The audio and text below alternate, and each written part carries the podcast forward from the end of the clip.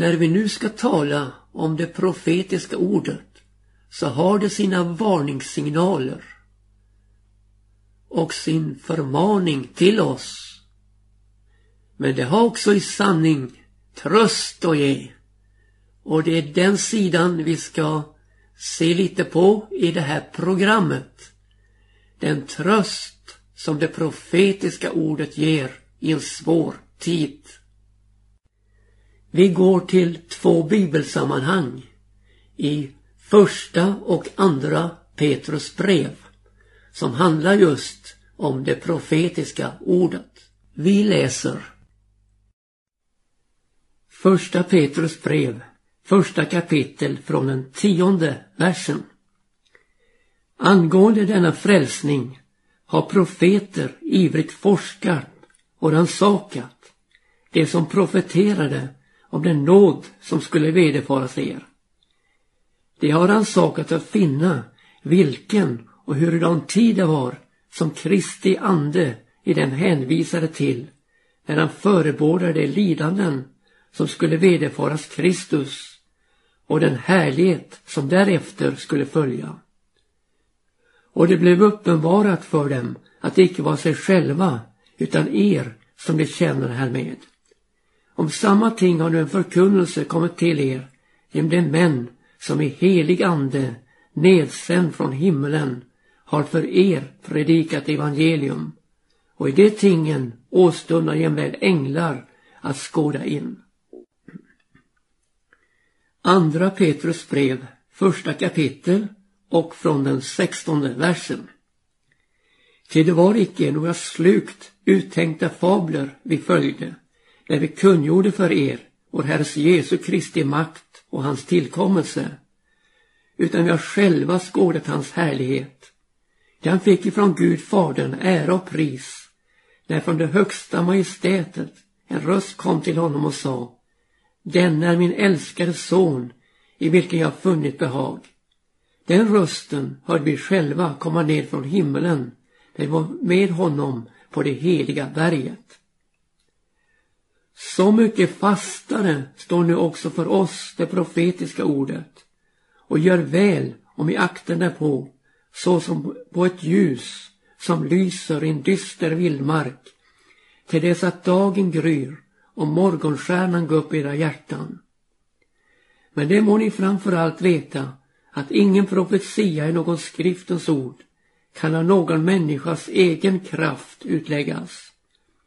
Ty ingen profetia har någonsin framkommit av en människas vilja utan därigenom att människor drivna av den helige ande talar vad som gavs dem från Gud. Bibeln är en profetisk bok. Den innehåller inte bara vissa profetior utan den är till sin karaktär profetisk rakt igenom. Den har sin begynnelse och fulländning. Och däremellan en händelsekedja med händelser som vi inte skulle förstå om vi inte hade det profetiska ordet att hålla oss till. Här uppenbaras hur Gud har handlat i det förflutna. Och här får vi se hur Gud handlar i nuet. Men också hur Gud kommer att handla i framtiden. Och det är detta som är så typiskt för det profetiska ordet. Det har sin historia, det har sin nutid, sin samtid och det har sin framtid. Och här i ger oss det profetiska ordet en oerhörd tröst i det vi går igenom just nu. När det gäller farsoter, krigslarm, rykten om krig, hungersnöd, jordbävningar och allt annat som övergår vår jord av nöd i nuet. Låt mig få säga detta genom profeten Jeremia i hans 29 kapitels elfte vers. Jag vet vilka tankar jag har för er, säger Herren, nämligen fridens tankar och icke ofärdens, till att giva er en framtid och ett hopp. Bibeln börjar med Gud, en skapande Gud som håller vad han lovar. Tänk om det hade istället börjat med människan. Hur ohållbar hade inte vår situation då varit. Människan som lovar så mycket men håller så lite. Tänk om människan med sina rosenröda visioner och nattsvarta ambitioner hade fått bestämma kursen. Hur annorlunda hade inte vår framtid då sett ut. Den hade varit som gelé utan fasthet. Hade kunnat gå till vilket håll som helst. Men utan mål och mening. Men lyckligtvis så träder Gud fram redan från början och skapar himmel och jord och fortsätter sitt verk med en fulländning genom hans son Jesus Kristus. Det profetiska ordet har en enorm fasthet. Det sker till punkt och prickar vad som är förutsagt ska ske. Vi läste från bibeltexten i andra Petrus brev så mycket fastare står nu det profetiska ordet. Är inte det profetiska ordet tillräckligt fast i sig själv? Jo, absolut. Men vi läste lite mer.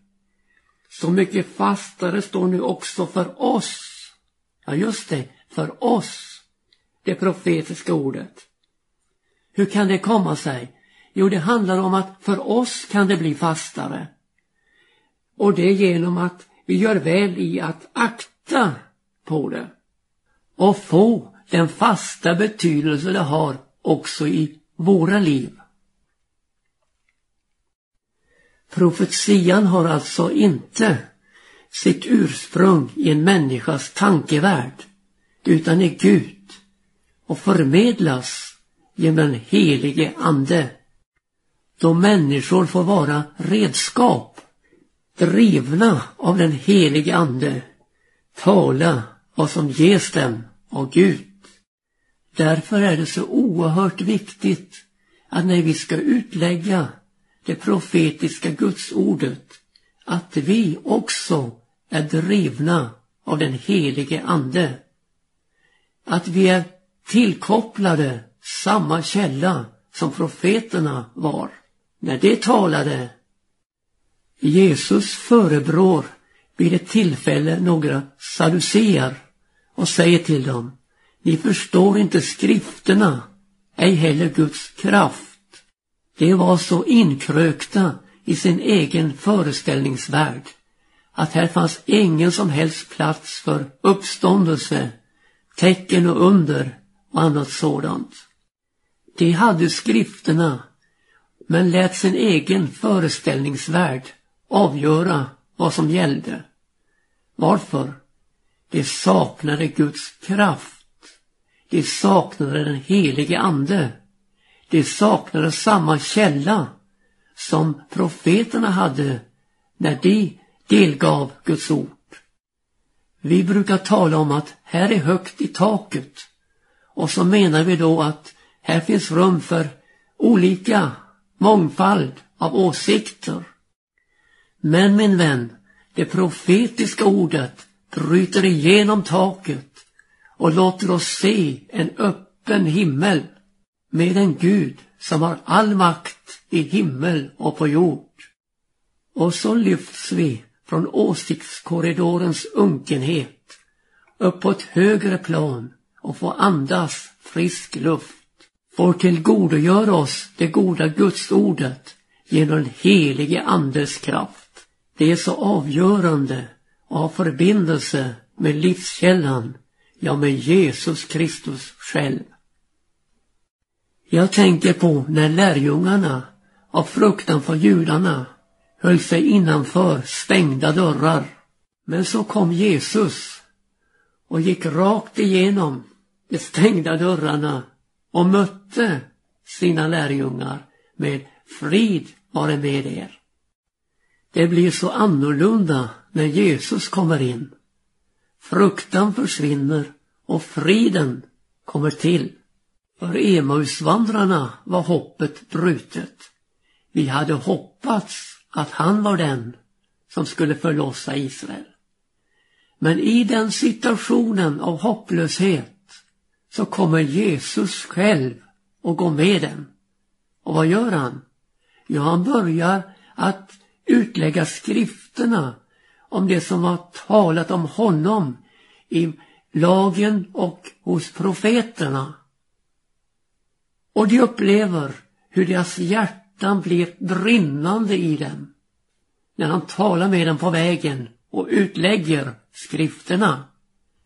Ja, det är det sätt vi ska ha vid utläggningen av skrifterna som pekar på Jesus och ger hopp i hopplösheten och förvandlar fruktan till frid. Det sker när Jesus utlägger skrifterna och genom den helige Ande förmedlar det till oss. Vilken inspirationskälla, vilket framtidshopp vi har i Herren Jesus Kristus. Det profetiska ordets riktning, alltså varifrån och till, är från lidande till härlighet. Och detta gäller i första hand i Jesus Kristus själv, men också oss.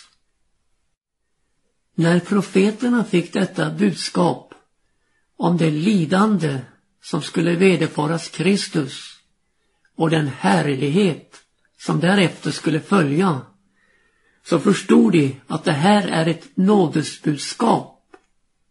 Och så undrar man vilken tid handlar det här om? Är det i vår samtid eller är det i framtiden det ska hända? Ja, de förstod det här som kommer att hända, det hör framtiden till. När profeten Jesaja i sitt 53 kapitel talar om detta så är det som man själv vore ögonvittne till händelserna. Men det är ju Kristi ande i dem som hänvisar till det lidande som vederfors Kristus och härligheten som därefter skulle följa. Och man ser alltså denna klarhet och skärpa som det profetiska ordet ger med inriktning mot Jesus och hans försoningsverk.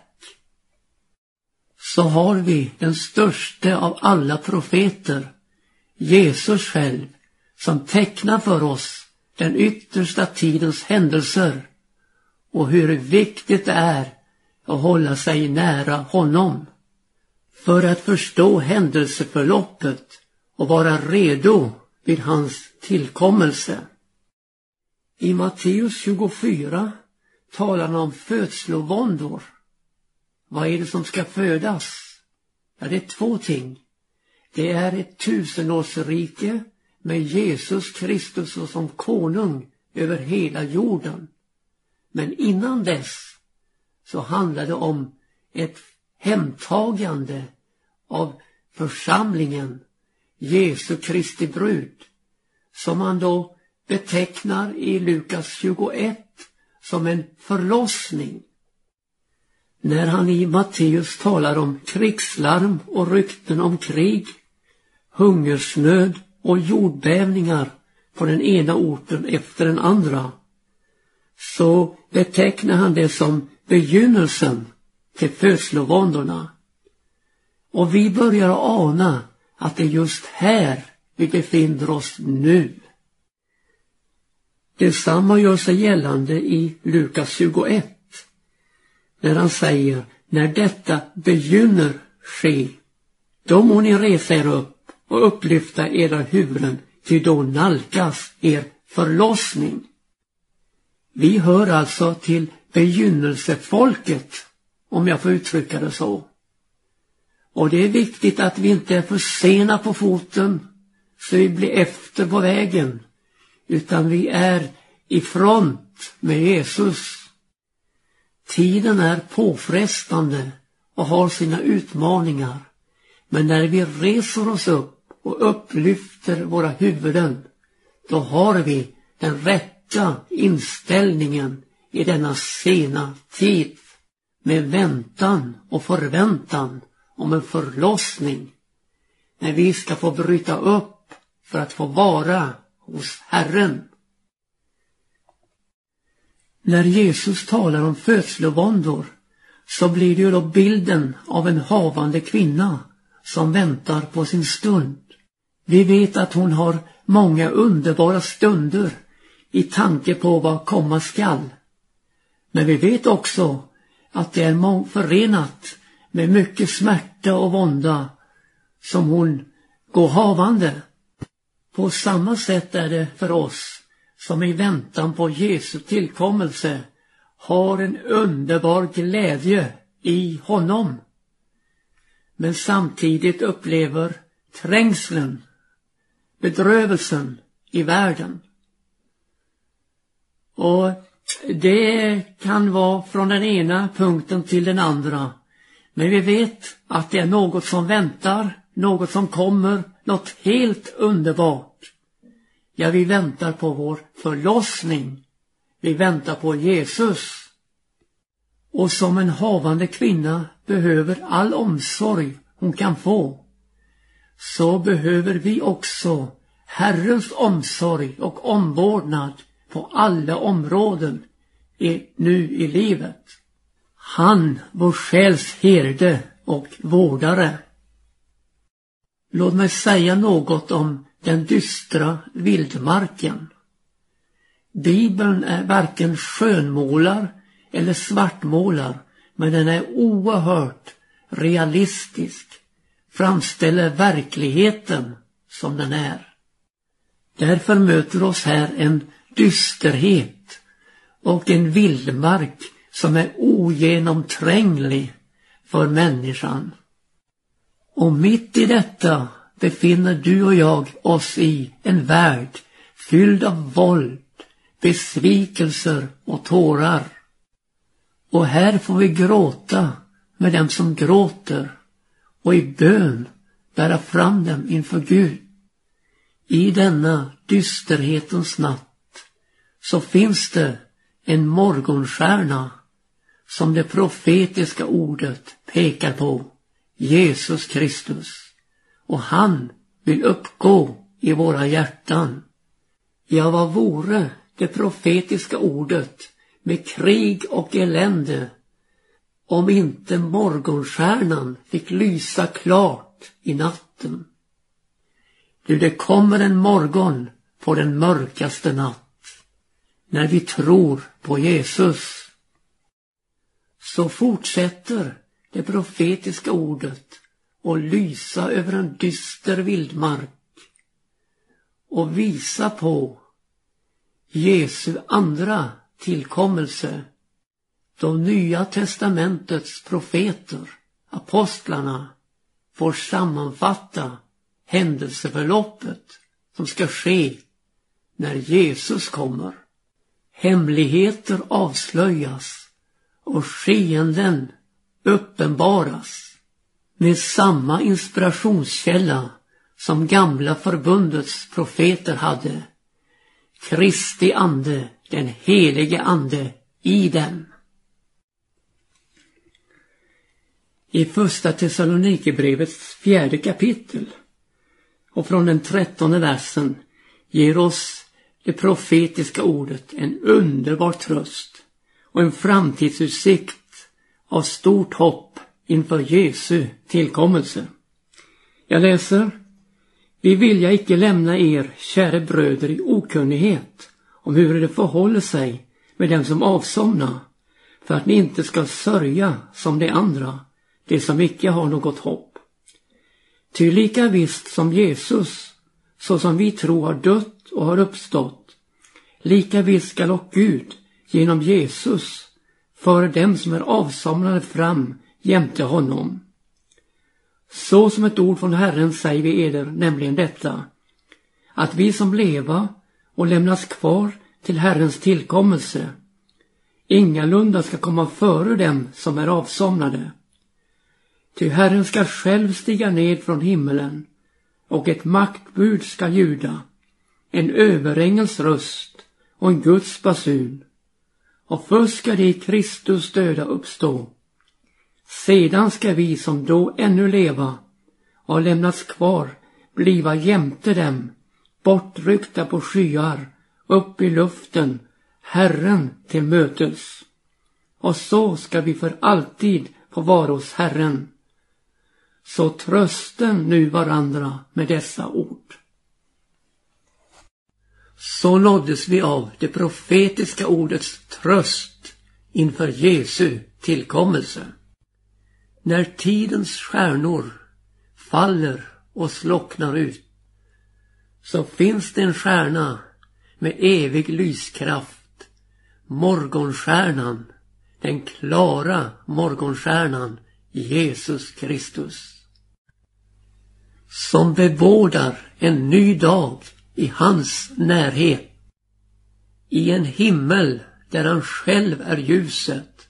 Ja, dess ljus är lammet.